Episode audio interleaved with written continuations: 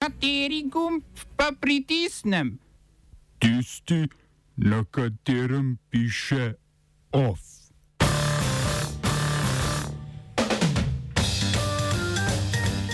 Slovaška predsednica Zuzana Čaputova imenovala novega premijeja in večino ministrov. Mednarodno kazensko sodišče oprostilo nekdanjega predsednika slonokoščene obale Lorana Gbagboja. Redni remont krške nuklearke.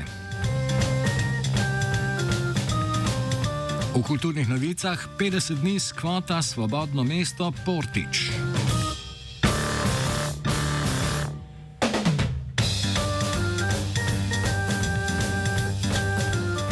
Slovaška predsednica Zuzana Čaputova je za novega premijeja imenovala Edvarda Hegerja, ki je v odstopljeni vladi Igorja Matoviča opravljal funkcijo ministra za finance. To bo sedaj od strankarskega kolega Olana, pardon, iz Olana, kot se glasi kratica za stranko običajni ljudje in neodvisne osebnosti, prevzel prav Matovič, po njegovem podpredsednik vlade. Po rekonstrukciji oziroma novi vladni postavi bodo iz Olana prihajali še ministri za notranje zadeve, obrambo, zdravstvo, kmetijstvo, okolje in kulturo, pa tudi za socialne zadeve in družino. Slednji še ni bil imenovan. V vladajoči koaliciji tako ni prišlo do sprememb pri številčni razdelitvi ministerskih položajev. Olano jih pripada sedem, stranka Mi smo družina ter Svoboda in Solidarnost trije, stranki za ljudi eh, pa dva. Z omenjenim imenovanjem je na Slovaškem zaključen mesec dni trajajoče poglavje politične krize, ki jo je sprožila nabava ruskega cepiva Sputnik V. To je samovoljno orkestriral Matovič, čeprav cepiva za zdaj ni odobrila niti Evropska agencija za zdravila, niti domači regulator, torej Slovaška agencija za zdravila.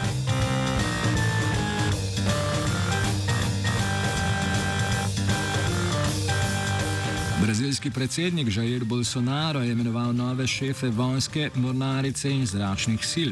Prejšnji teden so načelniki odstopili v znak protesta proti naraščajočemu vplivu Bolsonara na vojsko.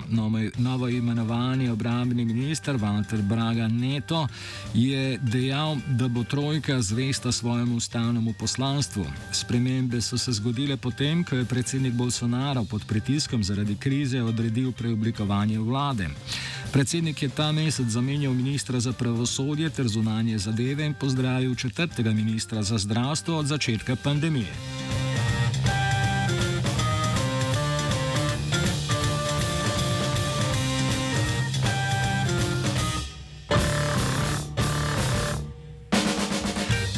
Mednarodno kazensko sodišče je potrdilo oprostilno sodbo nekdanjega predsednika slonokoščene obale Lorana Gbagboja in nekdanjega ministra za šport in mladino Šarla Bleja Gudeja. Sodniki so oba oprostili obtožb zaradi zločinov proti človeštvu, zaradi domnevne vloge v povolilnem nasilju v državi v letih 2010 in 2011. Gbagbo in Gude sta bila obtožena štirih zločinov proti človeštvu, odgovornosti za umore, posilstva in druga nehumana dejanja. Nasilje po spolnih volitvah leta 2010, na katerih je zmagal Alessane Otara, je povzročila smrt 3000 ljudi. Ob razglasitvi Otareve zmage se je Gbagbo raz, sam razglasil za zmagovalca, njegovi podporniki pa so rezultat volitev označili za prevaro. Ouattara, ki je na oblasti skoraj desetletje, je bil novembra lani ponovno izvoljen za kontroverzni tretji mandat, čeprav je opozicija opozarjala, da v skladu z ustavnimi omejitvami sploh ne bi smel kandidirati. Kandidatura je sicer mesec pred volitvami dovolilo ustavno sodišče, ki je presodilo, da se ob ustavnih spremembah, ki so začele veljati leta 2016, mandati začnejo šteti od začetka.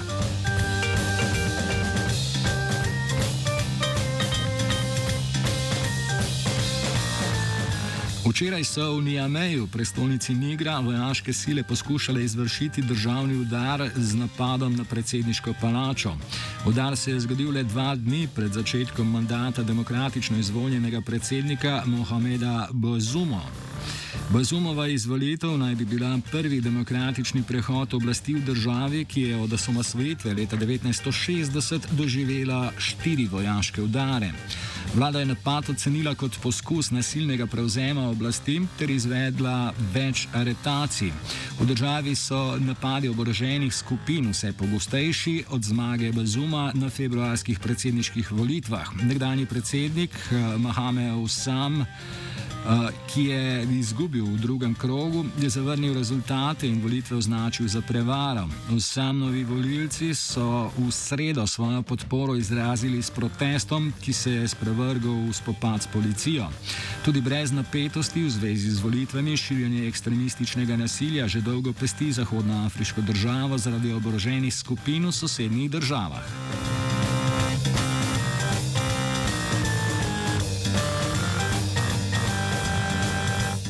Turško ustavno sodišče je zavrnilo obtožnico tožilstva, ki želi doseči prepoved prokurdske ljudske demokratske stranke, krajše HDP. Sodišče je ugotovilo, da so v obtožnici postopkovne kršitve, nedoslednosti so vključevale napačno navajanje nazivov delovnih mest nekaterih članov ter zahtevo potem, da se politično udejstvovanje prepove članu, ki je umrl. Vendar pa so turški mediji poročali, da so bile pomankljivosti majhne in da ne predstavljajo resne ovire za nadaljevanje procesa. Tožba je pred dvema tednoma sprožila mednarodno kritiko, zahtev, ker zahteva petletno prepoved političnega delovanja vsaj 680 uradnikov HDP-ja. Toživstvo jih je obtožilo, da delujejo kot politična fronta prepovedane kurdistanske delovske stranke.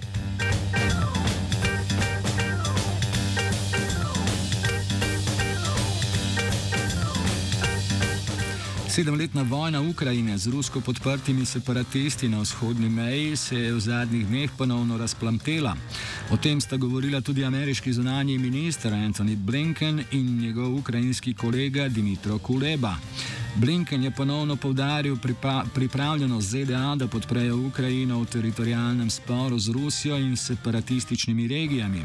Prejšnji petek so bili v bitki v bližini mesta Donetsk ubiti štirje ukrajinski vojaki. Kijev in Moskva si med, med sebojno očitata, da sta stopnjevali, stopnjevali konflikt, ki se je začel z rusko aneksijo Krimskega polotoka leta 2014. Kreml, Kreml trdi, da so ukrajinske sile začele konflikt zaostrovati zato, da bi ta eskaliral v vojno, ki se je leta 2015 umirila na podlagi Minskega mirovnega sporazuma. Še naprej zanikajo vsakašno povezavo s separatisti in konflikt označujejo kot državljansko vojno. Oba, če, če bom odgovoril na angliški. Slovenija bo poskušala pomagati. Slovenija bo naredila naš utmost, da bo rekla, da je situacija naš problem, naš sebe. In bomo naredili nadaljnje korake, as soon as the conditions are. Bomo vlado Marjana Cererja, Marjana Cererja Šarca podprli. Very, very serious. From Slovenija. We know how and we will. V jedrski elektrarni Krško so začeli obsežni redni remont, ki bo trajal nekaj več kot mesec dni. Remont nastopa ob koncu 31. gorivnega cikla oziroma po 18 mesecih obratovanja. V tem času je nek proizvedla več kot 8,5 milijarde kWh električne energije. Več o delih, ki se bodo izvajala, pove predsednik uprave nek Stane Rožman. Letošnji remont bo izjemno intenziven in logistično zahteven zaradi kompleksnosti in števila izvajalcev. Izvedeno bo predvidoma 40 tisoč aktivnosti, sodelovalo bo okoli 1800 delavcev iz eh, lokalnega okolja, kot tudi iz Evropske skupnosti in Združenih držav Amerike. Eh, velika negotovost seveda glede izvedbe, glede eh, časovnice je povezana z epidemijo, ki ne pojenja, vendar je naš seveda skupen cilj, da delo upravimo kakovostno in ob dobrem sodelovanju tudi v načrtovanem času.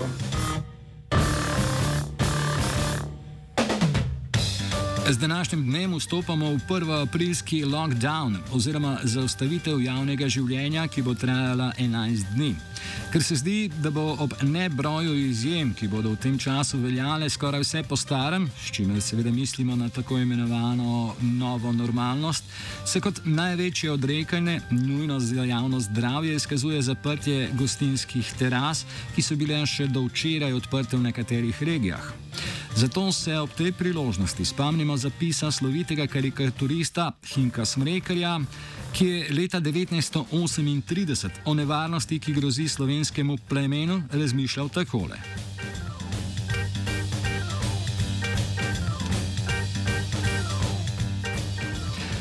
Nekaj jih bo umrlo postopoma od žeje in ko se bo razvilo mlekopitje, se bojimo, da bo davčna uprava krila izgubo na konto alkohola s povečanimi davki na mlekarne. In ko bodo še te tiho in postopoma likvidirane, bo zvišek padel na vodo.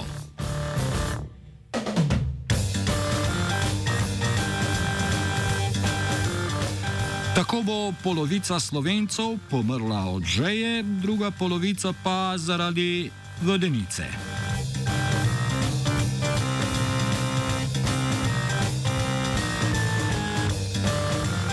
Of je pripravila vajenka Selma, mentoriral je Žiga.